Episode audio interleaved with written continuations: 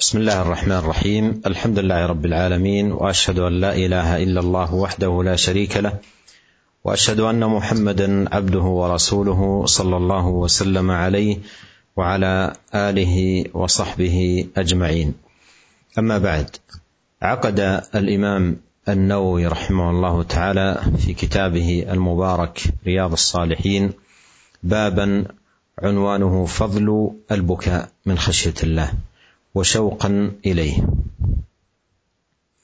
فضل البكاء من خشية الله تعالى وشوقا إليه.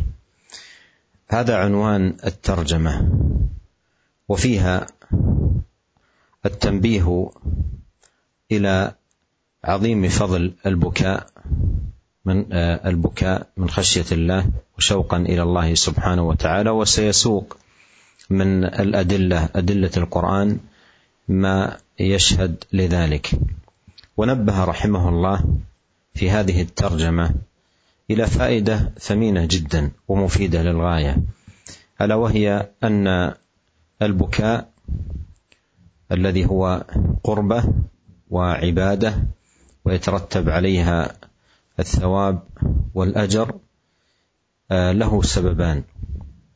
إما الخشية والخوف من الله سبحانه وتعالى. والسبب الآخر الشوق إليه عز وجل. الشوق إلى الله سبحانه وتعالى. فالبكاء إما أن يكون من الخشية فكأن يسمع مثلا المؤمن آيات الوعيد وآيات التهديد والبطش والانتقام والعقوبة ونحو ذلك. فيبكي خوفا وخشية من الله جل وعلا. وهذا وهذا هذه الخشية تحمل العبد على البعد عن الذنوب والمعاصي والآثام التي تسخط الله تبارك وتعالى. أو أن يسمع آيات الرجاء والثواب والإنعام والإكرام وما أعد الله لأهل الجنة وأيضا رحمة الله ولطفه ومنه وفضله فيبكي شوقا وطمعا.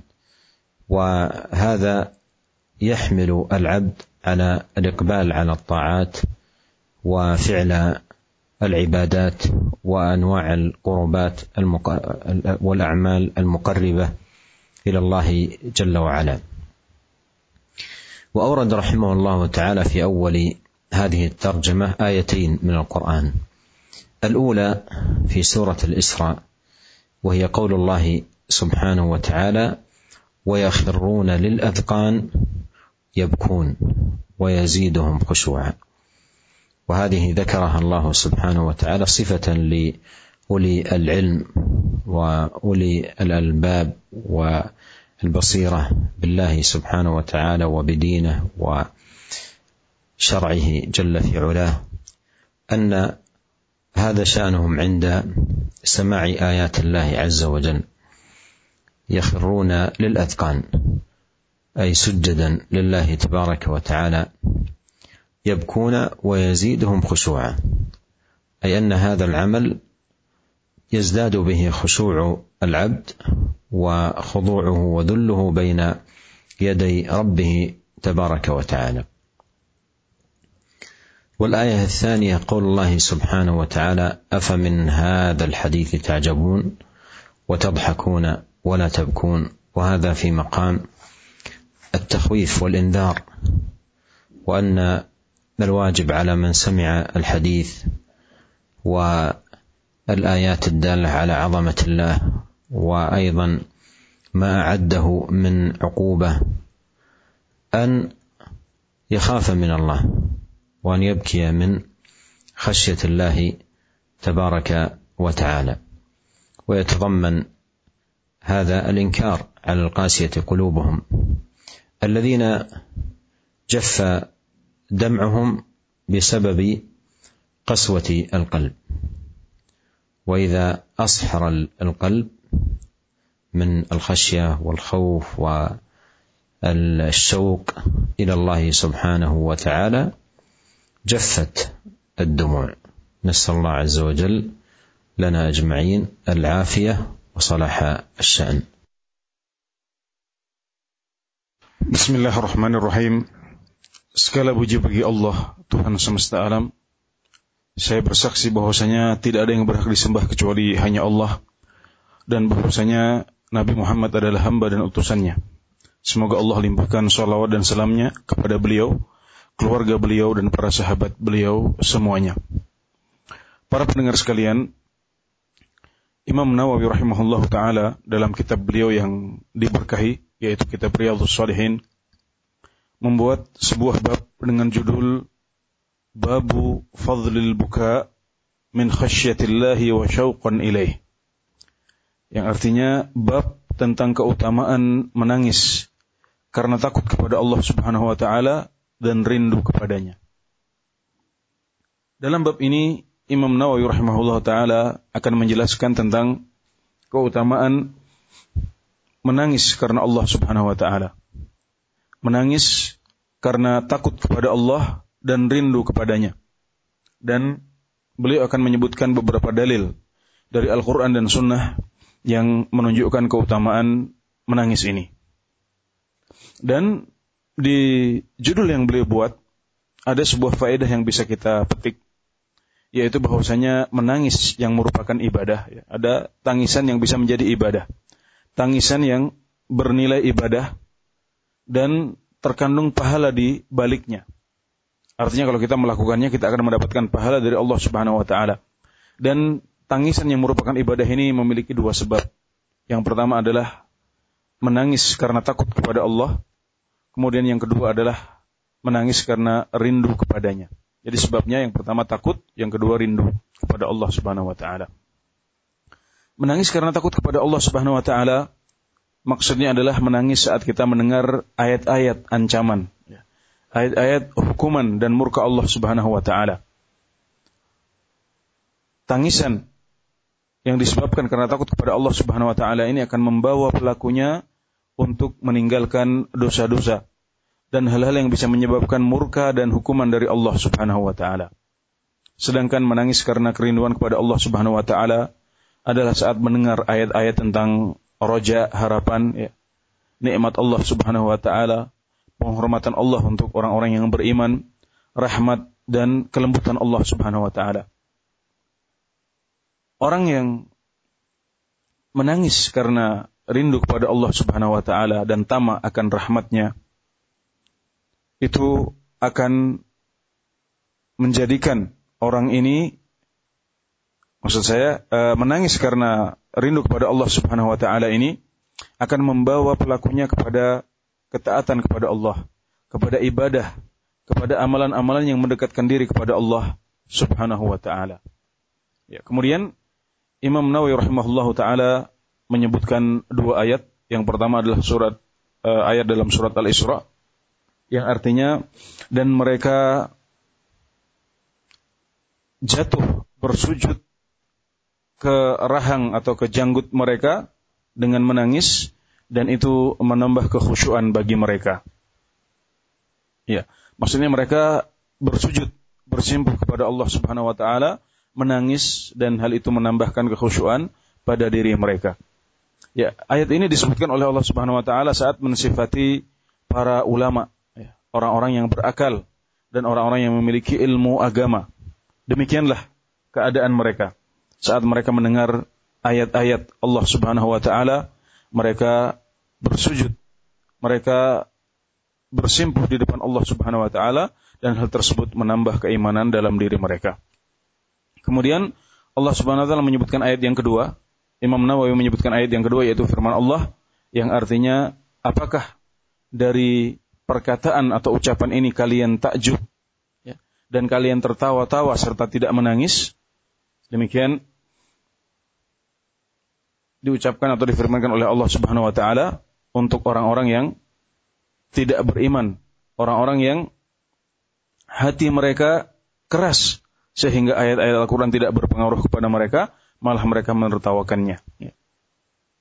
Mestinya saat kita mendengar ayat-ayat tentang hukuman Allah, murka Allah, ancaman dari Allah Subhanahu wa taala, hendaklah kita takut kepada Allah Subhanahu wa taala dan menangis, bukannya malah tertawa-tawa dan tidak menangis seperti yang dilakukan oleh orang-orang yang disinggung oleh Allah dalam ayat ini. Kemudian ayat ini juga mengandung pengingkaran dari Allah Subhanahu wa taala untuk mereka yang memiliki hati-hati yang keras di mana air mata mereka telah kering karena sebab kerasnya hati mereka. Semoga Allah Subhanahu wa taala melindungi kita dari penyakit hati yang demikian dan memberikan kita keselamatan serta kebaikan dalam semua urusan kita.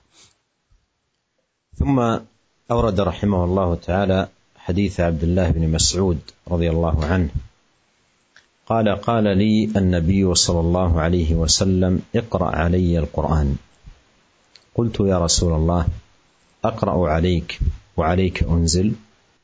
قال إني أحب أن أسمعه من غيري. فقرأت عليه سورة النساء حتى جئت إلى هذه الآية. فكيف إذا جئنا من كل أمة بشهيد وجئنا بك على هؤلاء شهيدا؟ قال حسبك الآن فالتفت إليه فإذا عيناه تذرفان متفق عليه. هذا الحديث فيه شاهد للترجمة البكاء من خشية الله تبارك وتعالى والشوق إليه جل في علاه. وفيه عظم أثر القرآن في تحقيق ذلك تحقيق الخشية وتحقيق الشوق إلى الله سبحانه وتعالى. وهذا هو البكاء النافع الذي يكون عن أثر أو عن أمر قام في القلب قلب الإنسان من خشية من الله أو شوق إلى الله سبحانه وتعالى فتدمع العين. ويلين القلب ويتأثر العبد ويتحقق الانتفاع والارتفاع. وفيه الحث على تدبر القرآن. عند تلاوة القرآن أو عند سماعه. فإن التدبر لمعاني القرآن ودلالته عند تلاوته أو سماعه له أثره العظيم في خشية القلب ودمع العين وتأثر العبد. كما قال الله تعالى إنما المؤمنون الذين إذا ذكر الله وجلت قلوبهم وإذا تليت عليهم آياته زادتهم إيمانا وعلى ربهم يتوكلون. وهذا نبينا عليه الصلاة والسلام يستمع إلى تلاوة عبد الله بن مسعود ويقول له إني أحب أن أسمعه أي القرآن من غيري فأخذ يستمع عليه الصلاة والسلام ويتدبر لكلام الله جل في علاه حتى بلغ ابن مسعود رضي الله عنه إلى قول الله عز وجل فكيف إذا جئنا من كل أمة شهيد. فكيف إذا جئنا من كل أمة بشهيد وجئنا بك على هؤلاء شهيدا؟ قال حسبك الآن. حسبك الآن. اي يكفي إلى هذا القدر؟ قال فالتفت إليه فإذا عيناه تذرفان. يبكي صلوات الله وسلامه عليه. Kemudian Imam Nawawi rahimahullah taala menyebutkan beberapa hadis dan yang pertama adalah hadis yang muttafaq alaih dari Ibnu Mas'ud radhiyallahu anhu. Beliau berkata, Rasulullah shallallahu alaihi wasallam berkata kepadaku, bacalah Al-Qur'an untukku. Maka aku berkata, wahai Rasulullah, apakah aku membacakannya untukmu? Sementara Al-Quran ini diturunkan atasmu atau diturunkan kepadamu. Maka beliau berkata, sungguh aku ingin mendengarnya dari orang lain. Maka aku pun membacakan untuk beliau surat An-Nisa sampai hingga aku sampai kepada surat kepada ayat fa kaifa idza ji'na min kulli ummatin bi syahid wa ji'na bika ala haula'i syahida yang artinya bagaimana jika kami datangkan dari setiap umat itu saksi dan kami datangkan engkau untuk menjadi saksi atas mereka semuanya Maka Rasulullah SAW berkata, cukup sekarang wahai Ibnu Mas'ud. Maka aku pun menoleh kepada beliau dan saya melihat kedua mata beliau mengalirkan air mata. Hadis Ibnu Mas'ud ini di dalamnya terdapat syahid atau dalil dari apa yang disebut oleh Imam Nawawi dalam judul bab tadi itu yaitu menangis karena takut kepada Allah atau karena kerinduan kepada Allah Subhanahu wa taala. Jelas di situ disebut bahwasanya Nabi Muhammad SAW telah menangis karena e, kerinduan beliau kepada kepada Allah Subhanahu wa taala dan takut beliau kepadanya. Hadis ini juga menjelaskan tentang besarnya pengaruh Al-Quran untuk tangis yang merupakan ibadah ini. Al-Quran memiliki pengaruh yang sangat besar yang bisa membuat kita menangis karena takut kepada Allah atau menangis karena rindu kepadanya. Tadabur pada ayat Al-Quran ini akan mendorong kita untuk mengeluarkan air mata, membuat hati kita menjadi lembut, sehingga kita betul-betul bisa mengambil manfaat dari Al-Quran dan mendapat derajat yang tinggi di sisi Allah Subhanahu wa taala. Hadis ini juga memotivasi kita untuk tadabbur, untuk merenungkan kandungan ayat-ayat Al-Qur'an saat kita membacanya. Dan yang seperti ini memiliki pengaruh yang besar ya, dalam rasa takut kita kepada Allah Subhanahu wa taala dan kerinduan kita kepadanya. Karena seperti itulah sifat seorang mukmin sebagaimana disebutkan dalam ayat Al-Quran yang lain, yang artinya sesungguhnya orang-orang yang beriman itu adalah orang-orang yang jika disebut Allah, maka hati mereka gemetar. Jika dibacakan kepada mereka ayat-ayat Allah, maka itu menambahkan keimanan pada mereka dan kepada Tuhan mereka mereka bertawakal. Ya. Itulah sifat orang mukmin dan dalam hadis ini kita telah temukan ya telah kita dapatkan bahwasanya Nabi Muhammad SAW meminta Ibnu Mas'ud untuk membaca Al-Quran untuk beliau. Maka Ibnu Mas'ud membaca Al-Quran sehingga sampai kepada surat An-Nisa pada ayat yang ke-41 yaitu fakaifa idza ji'na min kulli ummatin bisyahid wa ji'na bika ala haula'i syahida. Maka kemudian uh, beliau mengatakan kepada Ibnu, Ibnu Mas'ud, cukup sampai di sini saja. Sekarang cukup dan Ibnu Mas'ud pun berhenti kemudian beliau menoleh dan mendapatkan Nabi Muhammad SAW telah berlinang air mata menangis karena Allah Subhanahu wa taala. ثم أورد رحمه الله حديث أنس بن مالك رضي الله عنه قال خطب رسول الله صلى الله عليه وسلم خطبة ما سمعت مثلها قط. فقال لو تعلمون ما أعلم لضحكتم قليلا ولبكيتم كثيرا. قال فغطى أصحاب رسول الله صلى الله عليه وسلم وجوههم ولهم خنين متفق عليه. وسبق بيانه في باب الخوف. والخنين أيها الإخوة المستمعون هو البكاء مع صوت ضعيف يخرج من من الأنف. وهذا الحديث فيه ما كان عليه نبينا صلى الله عليه وسلم من نصح لهم نصح للناس ووعظ وتخويف بالله تبارك وتعالى وحث على خشيته جل في علاه. ومن ذلكم هذه الخطبة العظيمة المؤثرة التي كان لها أثرها البليغ على أصحابه صلوات الله وسلامه عليه.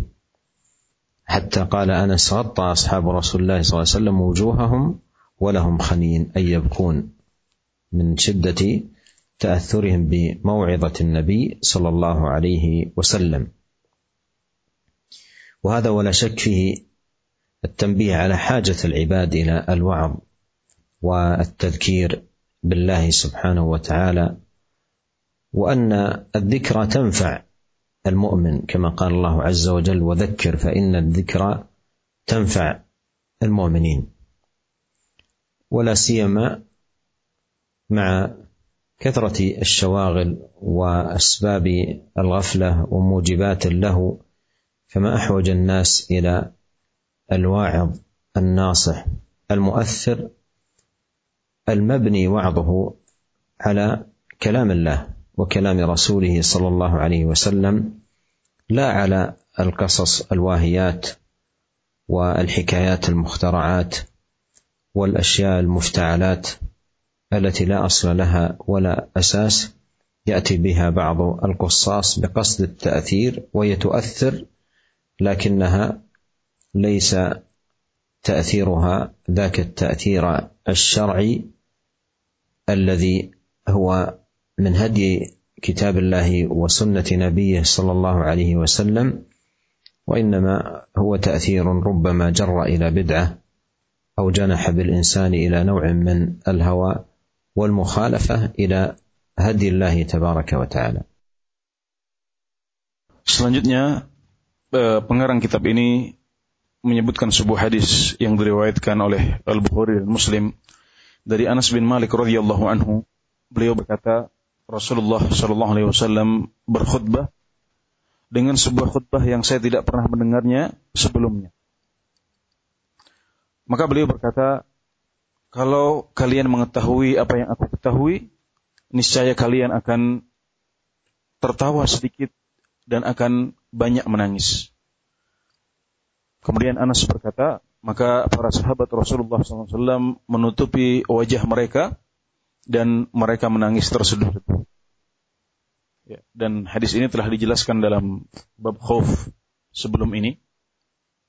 Dan al-khanin yang disebutkan dalam hadis ini artinya adalah menangis dengan uh, suara kecil yang keluar dari dari hidung. Kira-kira menangis terseduh-seduh. Dan hadis ini menjelaskan kepada kita tentang kedudukan Nabi Muhammad SAW sebagai seorang Rasul yang uh, mencintai umatnya, yang selalu menyampaikan nasihat untuk mereka, menyampaikan eh, pesan-pesan uh, yang mereka butuhkan, serta menganjurkan mereka kepada ketaatan kepada Allah Subhanahu Wa Taala.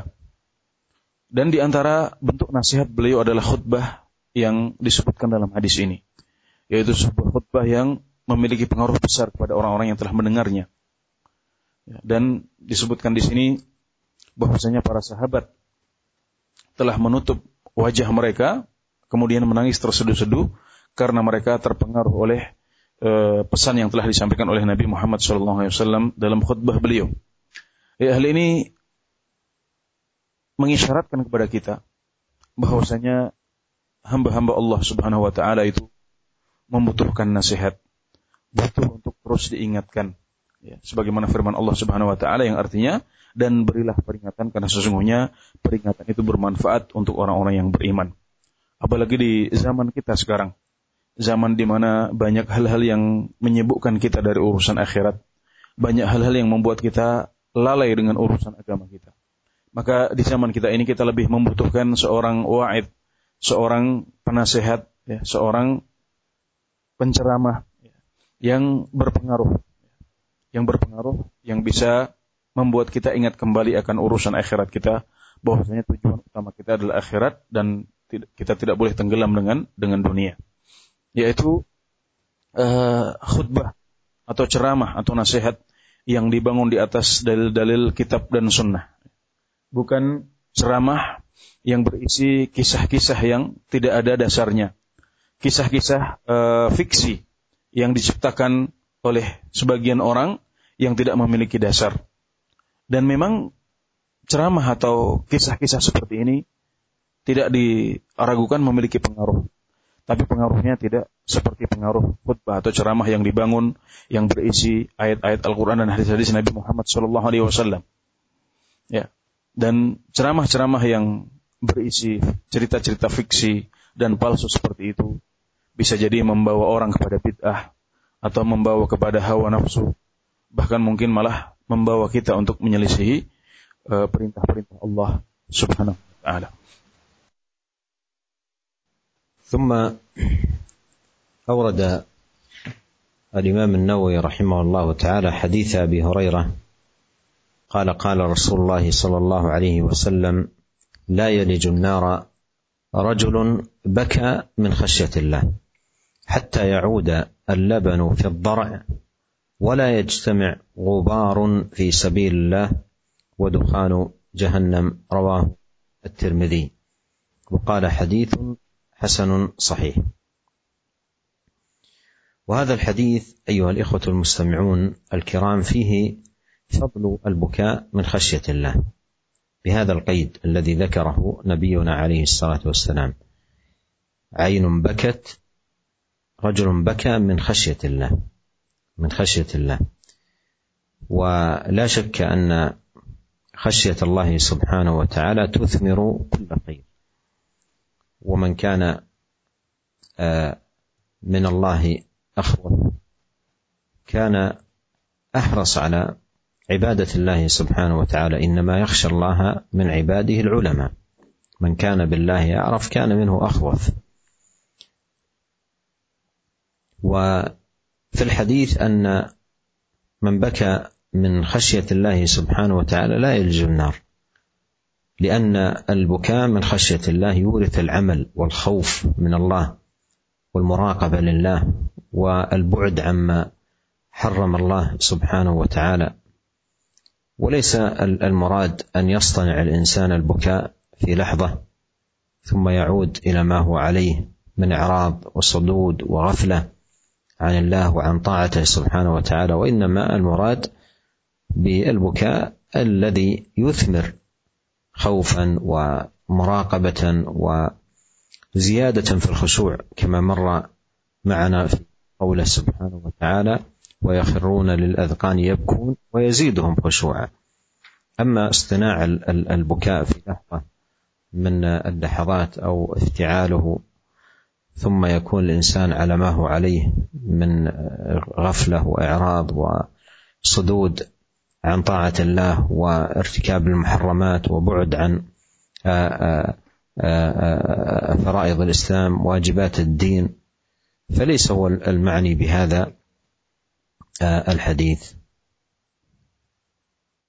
Hadis yang ketiga yang disebutkan oleh Imam Nawawi dalam bab ini adalah sebuah hadis yang diriwayatkan oleh At-Tirmidzi dan beliau hukumi hadis ini sebagai hadis yang hasan sahih dari Abu Hurairah radhiyallahu anhu beliau berkata Rasulullah sallallahu alaihi wasallam bersabda tidak akan masuk neraka seseorang yang menangis karena takut kepada Allah Subhanahu wa taala sampai susu masuk kembali ke putingnya dan tidak akan bertemu tidak akan berkumpul debu di jalan Allah dengan debu di jahanam, dengan asap di jahanam.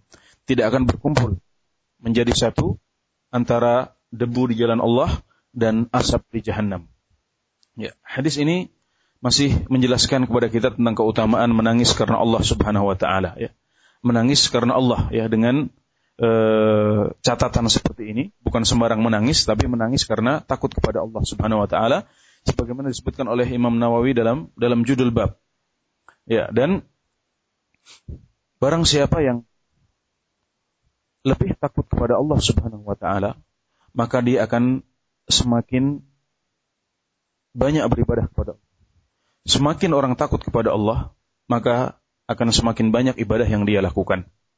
Sebagaimana firman Allah Subhanahu wa taala, sesungguhnya yang takut kepada Allah dengan sungguh-sungguh takut hanyalah para ulama di antara di antara hamba-hambanya. Sesungguhnya yang takut kepada Allah Subhanahu wa taala dari uh, dari hamba-hambanya hanyalah para ulama. Ya, demikian dikatakan oleh para ulama, barang siapa yang lebih mengetahui Allah Subhanahu wa taala, maka dia akan lebih takut dari ya, dan menangis karena Allah Subhanahu wa taala akan membawa orang kepada ketaatan dan menjauh dan menjauhkan orang tersebut dari hal-hal yang diharamkan oleh Allah Subhanahu wa taala. Jadi inilah yang dimaksud dengan menangis karena takut kepada Allah. Yaitu menangis yang membuahkan ketaatan dan menjauhkan orang dari e, maksiat kepada Allah Subhanahu wa taala. Bukan menangis yang dibuat-buat. Orang menunjukkan bahwa dia menangis terseduh-seduh, kemudian setelah pulang dari tempat dia menangis itu dia kembali kepada kondisinya yang semula.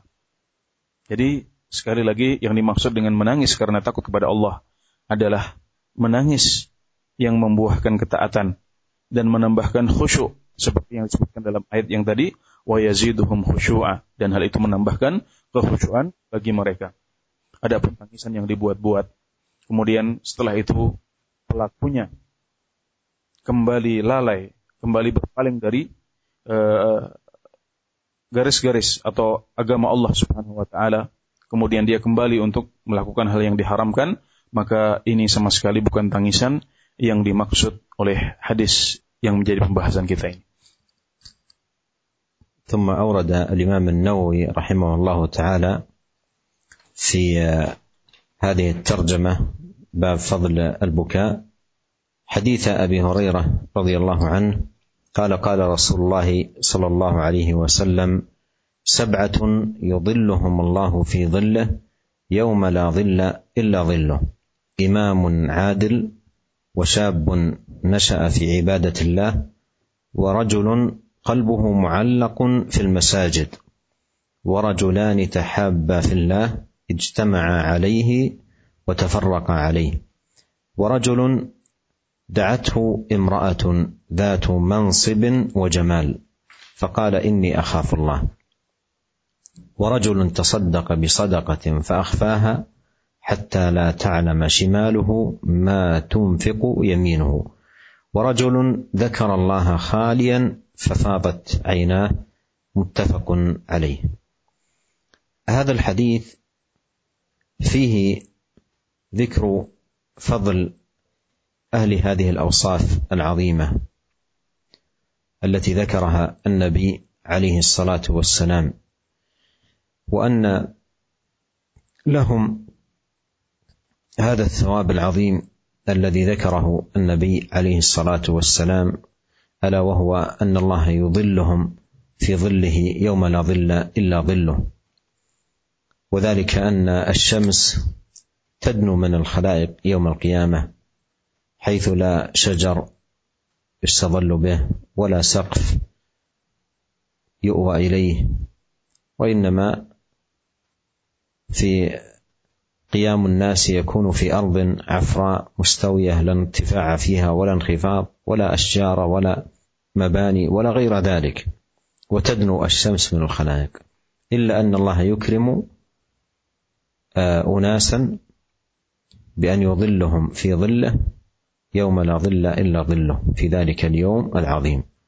وذكر النبي عليه الصلاة والسلام في هذا الحديث سبعة أوصاف أهلها حريون بهذا الثواب العظيم والفضل والفضل الكبير. ومن هؤلاء السبعة وموضع الشاهد رجل ذكر الله خاليا ففاضت عيناه.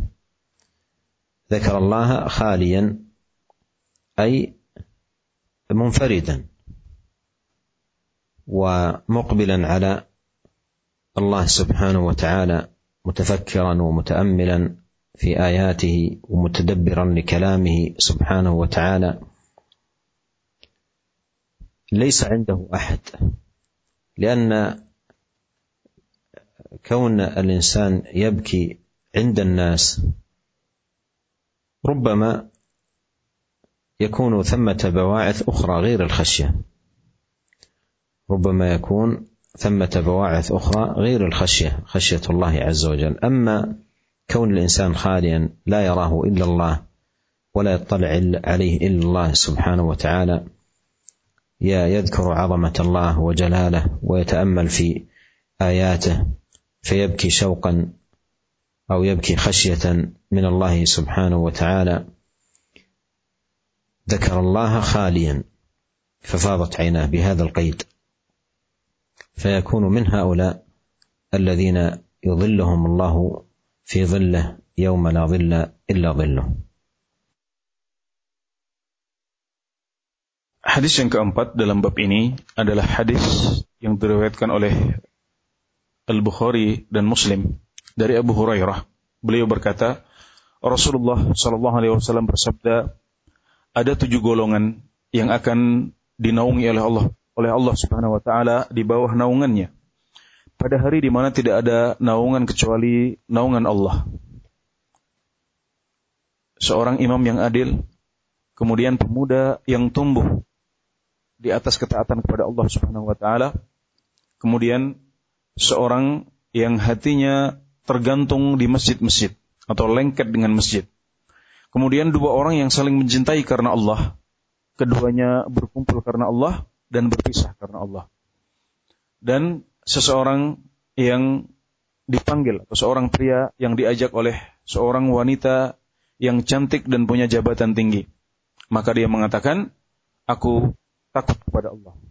Sungguh aku takut kepada Allah.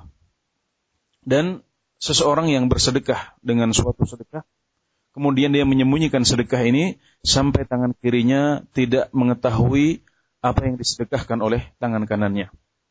Dan yang terakhir adalah seorang yang berzikir memuji Allah Subhanahu wa taala dalam keadaan sendiri, kemudian kedua matanya berlinang air mata. Hadis ini menyebutkan tentang keutamaan sifat-sifat yang disebutkan. Menyebutkan keutamaan orang-orang yang memiliki sifat-sifat yang telah disebutkan tadi itu. Yaitu bahwasanya mereka akan mendapatkan pahala yang besar, yaitu akan dinaungi oleh Allah Subhanahu wa taala pada hari di mana tidak ada naungan kecuali naungan Allah Subhanahu wa taala. Tidak ada lindungan kecuali hanya lindungan dari Allah Subhanahu wa taala yaitu pada hari kiamat di mana matahari didekatkan kepada para makhluk dan di sana tidak ada pohon, tidak ada atap yang bisa melindungi kita dari panasnya matahari. Kita dikumpulkan di sebuah tempat yang kosong ya, yang rata dan datar. Tidak ada tempat yang tinggi atau rendah sehingga kita bisa bersembunyi dari panasnya matahari. Tidak ada juga bangunan di sana. Tapi di tempat yang sangat panas ini Allah Subhanahu wa taala akan menganugerahkan anugerah kepada beberapa golongan orang dan mereka adalah tujuh orang yang disebutkan atau tujuh kelompok, tujuh golongan yang disebutkan dalam hadis ini, mereka semuanya berhak untuk mendapatkan anugerah ini. Di antara tujuh golongan ini yang akan menjadi pembahasan kita karena kesesuaiannya dengan bab yang kita bahas sekarang adalah golongan yang ketujuh yaitu seseorang yang berzikir memuji Allah Subhanahu wa taala dalam keadaan sendiri kemudian kedua matanya berlinang berlinang air mata Ya, maksudnya adalah seseorang yang menyendiri, kemudian dia berzikir, menyebut dan memuji Allah Subhanahu wa taala dia menghadap Allah Subhanahu wa taala, bertafakur, ya, merenung ayat-ayat merenungi ayat-ayat Allah Subhanahu wa taala dan di sana tidak ada orang kecuali dia saja. Jadi kondisinya menyendiri dalam keadaan gelap dan menyendiri. Karena orang yang menangis saat berada di tengah-tengah manusia itu belum tentu tangisannya karena Allah Subhanahu wa taala. Belum tentu tangisannya karena takut dan rindu kepada Allah. Tapi barangkali di sana ada pendorong-pendorong lain, ada sebab-sebab lain yang membuat dia menangis. Adapun orang yang menangis saat dia sendiri memuji Allah Subhanahu wa taala, maka itulah yang insya Allah tangisannya adalah karena karena takut dan rindu kepada Allah Subhanahu wa taala. Makanya dalam hadis ini Nabi Muhammad SAW menyebutkan warajulun dzakarallaha khalian. Ya, seseorang yang menyebut Allah dalam keadaan sendiri. Ya, dengan catatan ini, dengan catatan dia berzikir dalam keadaan sendiri, kemudian dia menangis karena takut kepada Allah. ثم أورد رحمه الله تعالى حديث عبد الله بن الشخير رضي الله عنه قال أتيت رسول الله صلى الله عليه وسلم وهو يصلي ولجوفه أزيز كأزيز المرجل من البكاء. حديث صحيح رواه أبو داود والترمذي في الشمائل بإسناد صحيح. وقوله لجوفه أي لصدره صلوات الله وسلامه عليه. وأزيز المرجل هو صوت القدر وهو يغلي.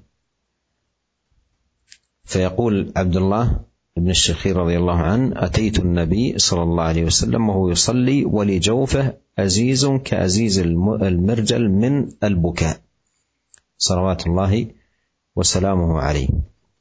وهذا فيه بيان ما كان عليه صلى الله عليه وسلم من كمال الخشية من الله والخوف منه سبحانه وتعالى والتأثر بتلاوة آياته والوقوف بين يديه جل وعلا. ومن ذلكم بكاؤه عليه الصلاة والسلام من خشية الله جل وعلا. حتى إن عبد الله وصف ما يسمعه من الصوت بقوله ولجوفه أزيز كأزيز المرجل من البكاء. أي بكائه صلى الله عليه وسلم من خشية الله جل وعلا. فهذا فيه شاهد لهذه الترجمة فضل البكاء وأنه من هدي نبينا عليه الصلاة والسلام وأنه ثمرة من ثمار خشية الله وتأمل في آياته وأيضا المعرفة بعظمة الله سبحانه وتعالى مما يثمر خشية فتثمر بكاء وخوفا من الله جل وعلا. حديث كلمة dalam bab ini adalah sebuah hadis sahih yang diriwayatkan oleh Abu Dawud dan termizi dalam kitab beliau Asy-Syama'il dengan sanad yang sahih dari Abdullah bin Syakhir Abdullah bin Syakhir radhiyallahu anhu beliau berkata aku datang kepada Rasulullah sallallahu alaihi wasallam dan saat itu beliau sedang sholat maka aku mendengar dari dada beliau suara tangis seperti suara panci yang mendidih karena beliau sedang menangis.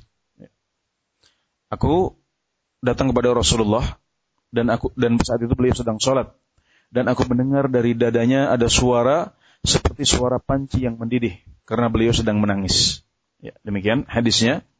Dan ini menjelaskan kepada kita tentang kedudukan Nabi Muhammad SAW yang memiliki khasyah yang sempurna, yang memiliki takut kepada Allah Subhanahu Wa Taala yang sangat tinggi dan beliau sangat terpengaruh dengan bacaan Al-Quran beliau.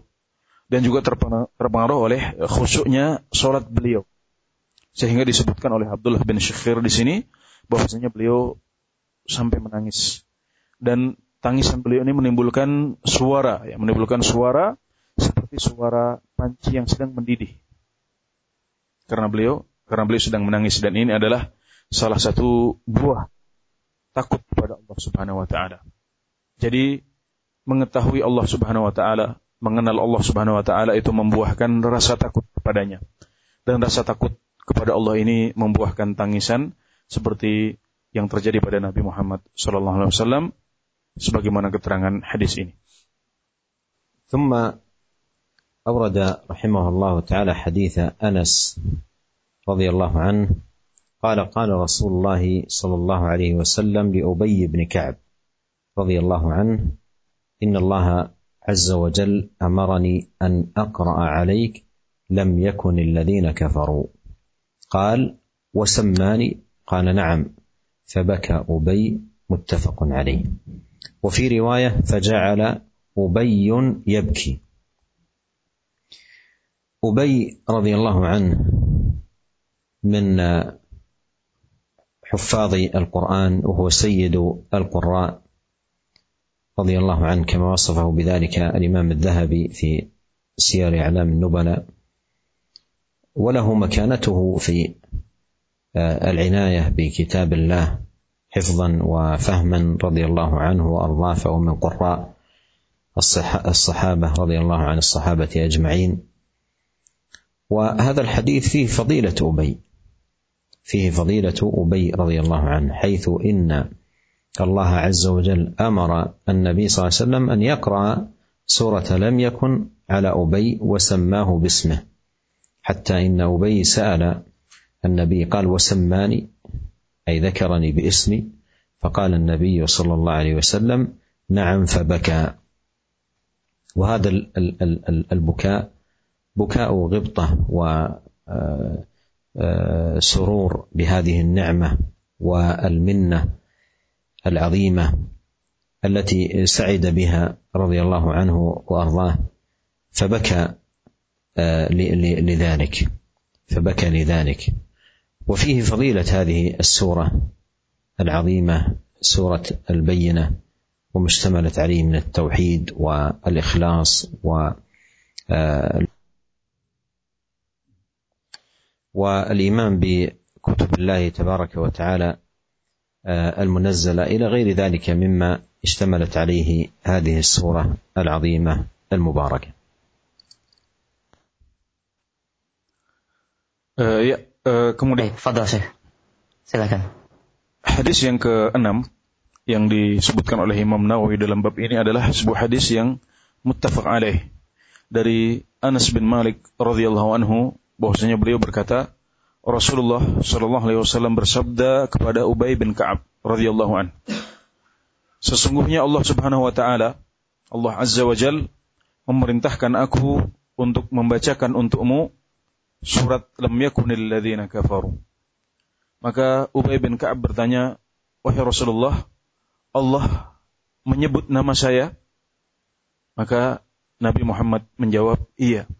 Allah menyebut namamu secara khusus. Maka Ubay pun menangis. Ya, dalam riwayat yang lain, maka Ubay pun mulai menangis ketika mendengar jawaban Nabi Muhammad sallallahu alaihi wasallam. Hadis ini para pendengar sekalian menjelaskan beberapa hal di antaranya adalah keutamaan Ubay bin Ka'ab ya. Ubay bin Ka'ab adalah salah seorang penghafal Al-Qur'an di kalangan sahabat dan beliau adalah Sayyidul Qurra ya, pemimpin para qari sebagaimana dikatakan oleh Az-Zahabi dalam kitab beliau Syiru A'lamin Nubala ya beliau menyebutkan bahwasanya uh, Ubay bin Ka'ab adalah Sayyidul Qurra, pemimpin para qari. Dan beliau memiliki perhatian khusus terhadap Al-Quran. Hadis ini menjelaskan keutamaan beliau karena dalam hadis ini disebutkan bahwasanya Nabi Muhammad SAW diperintahkan untuk membacakan surat Al-Bayyinah secara khusus untuk Ubay bin Ka'ab. Bahkan disebutkan bahwasanya Allah Subhanahu wa taala menyebut nama Ubay secara khusus. Ini jelas menunjukkan keutamaan beliau. Kemudian menjelaskan juga tentang keutamaan menangis ya. Karena Allah Subhanahu wa taala di sini disebutkan bahwasanya Ubay menangis dan tangisan itu adalah karena gembira. Gembira karena nikmat dari Allah Subhanahu wa taala. Senang karena mendapatkan nikmat dan anugerah yang agung. Kemudian Hadis ini juga menjelaskan tentang keutamaan surat Al-Bayyinah yang mengandung tauhid, keikhlasan dalam beragama, juga iman kepada kitab-kitab Allah dan yang lain yang merupakan kandungan dari surat yang mulia ini. ثم أورد رحمه الله حديث أنس رضي الله عنه قال أبو بكر لعمر رضي الله عنهما بعد وفاة رسول الله صلى الله عليه وسلم انطلق بنا إلى أم أيمن رضي الله عنها نزورها كما كان رسول الله صلى الله عليه وسلم يزورها. فلما انتهينا إليها بكت فقال لها فقال لها ما يبكيك؟ أما تعلمين أن ما عند الله تعالى خير لرسول الله صلى الله عليه وسلم؟ قالت إني لا أبكي أني لا أعلم أن ما عند الله خير لرسول الله صلى الله عليه وسلم. ولكني أبكي أن الوحي قد انقطع من السماء. فهيجتهما على البكاء فجعلا يبكيان معها. رواه مسلم. وقد سبق في باب زيارة أهل الخير. والشاهد منه لهذه الترجمة بيان ما كانت عليه قلوب الصحابة رضي الله عنهم وأرضاهم من تأثر ورقة قلوبهم وأن حديث الإيمان يحرك قلوبهم خوفا وخشية وإنابة. فلما ذكرتهم بهذا المعنى العظيم أخذ يبكيان معها رضي الله عنها وعنهم وعن الصحابة أجمعين. وهذا فيه أيضا من الفائدة أن المجالس ينبغي أن تحلى وان تزين بالتذاكر والتذكير مما يزيد الايمان ويقوي الصله بالرحمن ويذهب عن الناس كيد الsyaitan. Hadis yang ketujuh adalah sebuah hadis yang diriwayatkan oleh Muslim dari Anas bin Malik. Beliau berkata, Abu Bakar berkata kepada Umar bin Khattab radhiyallahu anhuma setelah meninggalnya Rasulullah sallallahu alaihi wasallam. Beliau berkata, "Berangkatlah bersama kami untuk mengunjungi Ummu Aiman radhiyallahu anha." Kita mengunjungi beliau sebagaimana dahulu Rasulullah sallallahu alaihi wasallam berkunjung kepadanya. Maka ketika kami sudah sampai, ketika keduanya sudah sampai kepada rumah Ummu Aiman, tiba-tiba Ummu Aiman menangis. Maka keduanya berkata atau bertanya kepada Ummu Aiman, apa yang telah membuatmu menangis, wahai Ummu Aiman? Tidakkah engkau mengetahui bahwasanya apa-apa yang di sisi Allah Subhanahu wa taala itu lebih baik untuk Rasulullah sallallahu alaihi wasallam? Maka Ummu Aiman menjawab, sesungguhnya aku menangis bukan karena aku tidak tahu bahwasanya yang di sisi Allah Subhanahu wa taala lebih baik untuk Rasulullah sallallahu alaihi wasallam. Tapi aku menangis karena wahyu sudah putus dari langit, maka ucapan beliau ini pun membuat Abu Bakar dan Umar ikut menangis. Keduanya pun menangis bersama Ummu Aiman. Dan hadis ini sudah disebutkan pada bab kunjungan kepada orang-orang baik sebelum ini. Dan yang menjadi syahid, yang menjadi poin perhatian kita pada hadis ini adalah betapa para sahabat hati mereka sedemikian mudah tersentuh ya, dengan peringatan-peringatan, dengan kata-kata yang mengingatkan kepada Allah Subhanahu wa taala. Hal ini menunjukkan bahwasanya hati mereka itu sangat lembut sangat lembut sehingga ketika mendengar kata-kata yang mungkin bagi kita biasa seperti ini mereka bisa menangis terseduh-seduh. Ya, hadis ini juga menunjukkan bahwasanya sebagian perkataan itu bisa membuat kita menangis. Sebagian perkataan itu bermanfaat dan membuat kita ingat kepada Allah, membuat kita berjalan menuju ketaatan dan menghindarkan segala yang dilarang oleh Allah Subhanahu wa taala. Kemudian hadis ini juga memberikan faedah bahwasanya majelis-majelis yang kita masuki itu hendaknya dihiasi dengan saling mengingatkan, ya. kemudian dengan nasihat-nasihat yang baik, mengingatkan kepada Allah Subhanahu wa taala sehingga kita terhindar dari makar setan untuk mengotori majelis-majelis yang kita masuki. ولا يزال في هذه الترجمة بقية من أحاديث يسوقها الإمام النووي رحمه الله تعالى. أورد حديث ابن عمر رضي الله عنهما قال لما اشتد برسول الله صلى الله عليه وسلم وجعه قيل له في الصلاة؟ فقال مروا أبا بكر فليصلي بالناس. فقالت عائشة إن أبا بكر رجل رقيق إذا قرأ القرآن غلبه البكاء. فقال مروا مروه فليصلي. وفي رواية عن عائشة رضي الله عنها قالت قلت إن أبا بكر إذا قام مقامك لم يسمع الناس من البكاء. متفق عليه.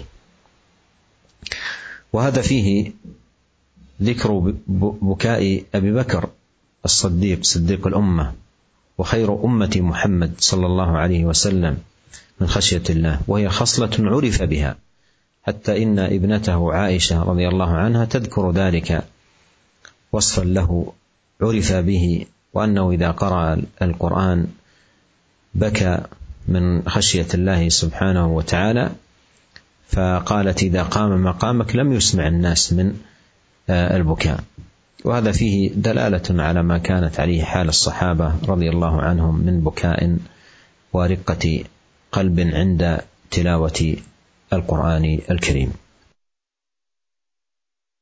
Hadis yang ke-8 adalah sebuah hadis yang muttafaq alaih dari Ibnu Umar radhiyallahu anhu beliau berkata ketika sakit Rasulullah sallallahu alaihi wasallam bertambah parah,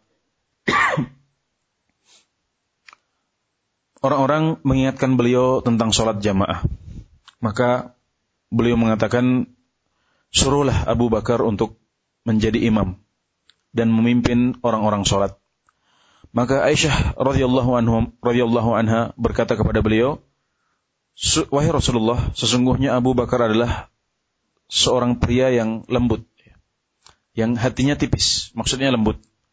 Jika ia membaca Al-Qur'an, maka biasanya dia terkalahkan oleh tangisannya. Maka Rasulullah SAW tetap mengatakan, suruhlah dia untuk memimpin sholat. Dan dalam riwayat yang lain dari Aisyah dikatakan bahwasanya Aisyah ber, Aisyah berkata, sesungguhnya Abu Bakar itu kalau dia menggantikan posisi wahai Rasulullah, maka dia tidak akan bisa memperdengarkan orang bacaannya karena dia akan menangis.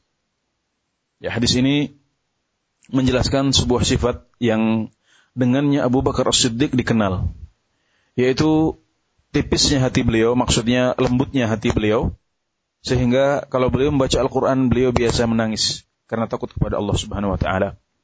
Dan hadis ini juga sekaligus menunjukkan bahwasanya para sahabat itu memiliki hati yang lembut, ya, dan mereka biasa menangis saat membaca Al-Quran dan takut kepada Allah Subhanahu wa Ta'ala.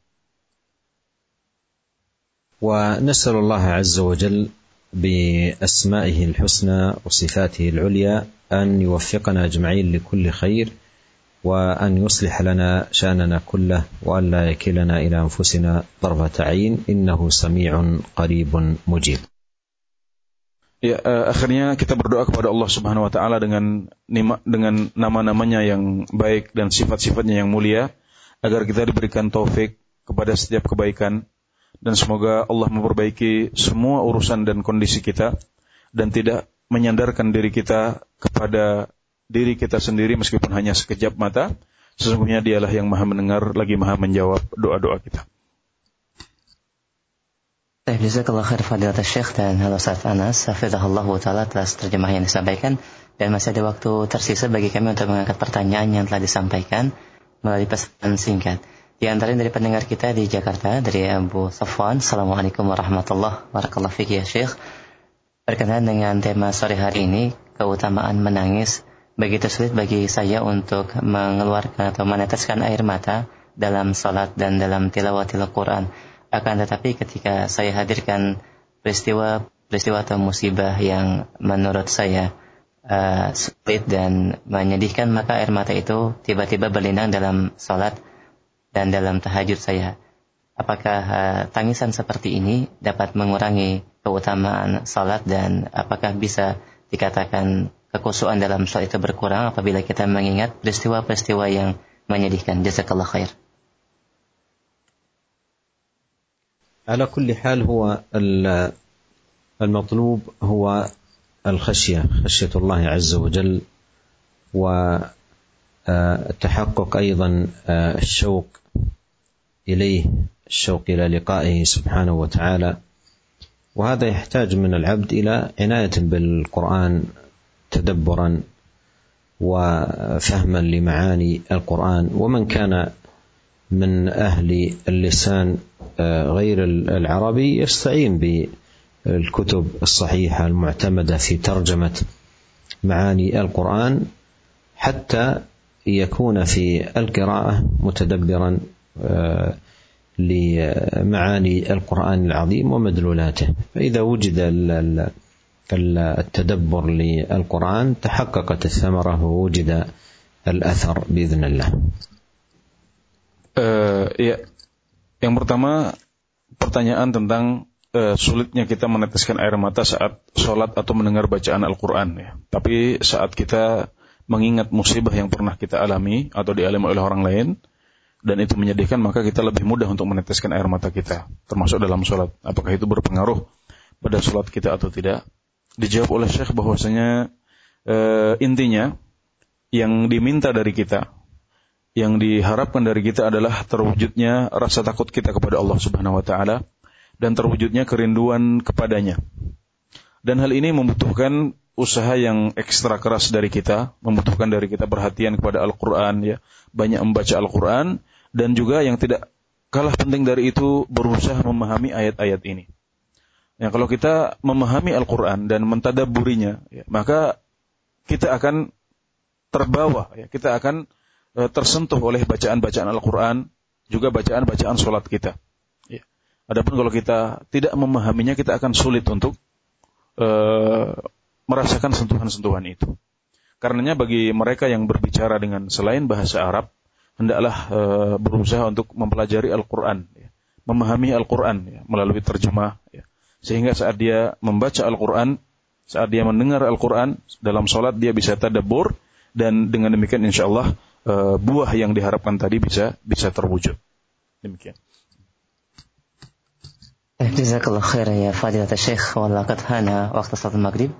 نرجو من فضيلتكم الاختتام في ختام لقائنا هذا أسأل الله عز وجل بأسمائه الحسنى وصفاته العليا أن يوفقني وجميع الإخوة الكرام المستمعين والأخوات المستمعات لكل خير في الدنيا والآخرة. إنه جل وعلا سميع الدعاء وهو أهل الرجاء وهو حسبنا ونعم الوكيل وصلى الله وسلم على عبده ورسوله نبينا محمد وآله وصحبه أجمعين. والسلام عليكم ورحمة الله وبركاته Waalaikumsalam warahmatullahi wabarakatuh. Ya, akhirnya kita akhiri majelis kita ini dengan berdoa kepada Allah Subhanahu wa taala dengan nama-namanya yang baik dan sifat-sifatnya yang mulia agar kita semuanya para pendengar semuanya baik yang eh, laki-laki uh, maupun yang perempuan mendapatkan taufik untuk kebaikan dunia dan akhirat karena sesungguhnya Allah lah harapan kita dan dialah yang menjawab dan mengabulkan doa-doa kita. Akhirnya wallahu taala alam. Semoga Allah limpahkan salawat kepada Nabi Muhammad, keluarga dan para sahabat beliau. Wassalamualaikum warahmatullahi wabarakatuh.